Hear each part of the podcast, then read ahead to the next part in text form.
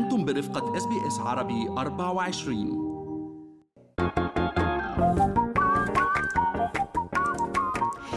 شو في ما في من أستراليا وحول العالم بفقرة منوعات آخر فقرات برنامجنا الصباحي Good Morning Australia وأنا بترا طوق الهندي. وأنا فارس حسن رح نبلش منوعاتنا اليوم من أستراليا وللأسف رجل أسترالي يلقى مصرعه بهجوم سمكة قرش. بالفعل فارس يعني آه، على بعد 150 متر من الشاطئ فقط آه، قرش يحول رحلة سياحية لمأساة. يا حرام طبعا ما عم نحكي الخبر بأستراليا يعني هو يخص شخص استرالي ولكن بكاليدونيا الجديدة بنيو كاليدونيا على المحيط الهادئ عمره 59 سنة وكان زي ما قلت يعني بعيد بس 150 متر من الشاطئ يعني.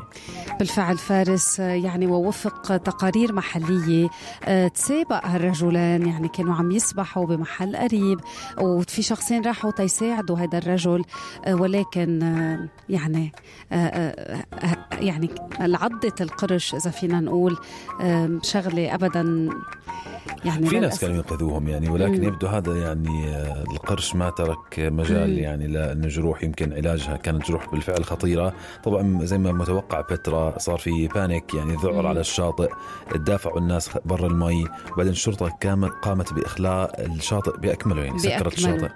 ونشر نشرت الطائرات يعني بدون طيار بس للمساعدة بالبحث عن أسماك القرش بالمنطقة. آه، يعني هيك هجمات بنشوفها عم تتكرر.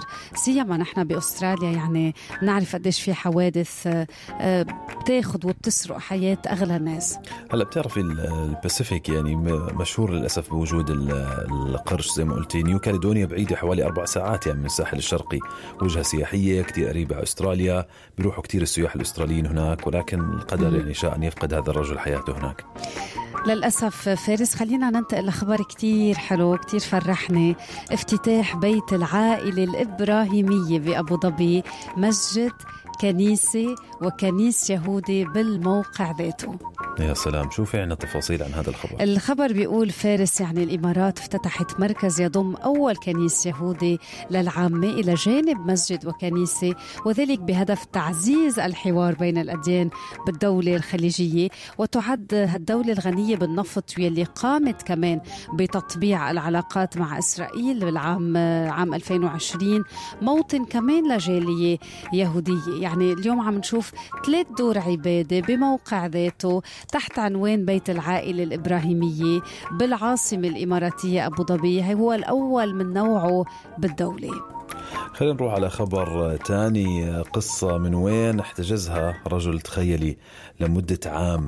امرأة أثارت ضجة كتير كبيرة بأمريكا. تخيلي يعني وحبسها حوالي سنة كاملة. إن بقلب الولايات المتحدة يا. الأمريكية معقل الحريات تم احتجاز هذه المرأة.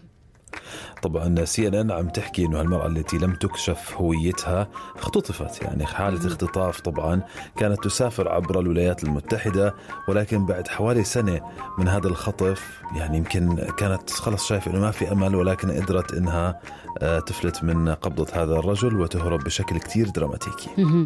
نحن عم نحكي تحديدا آه، بولاية نيو جيرسي. السلطات القضائية وجهت اتهام لجيمس باريلو يلي عمره 57 سنة.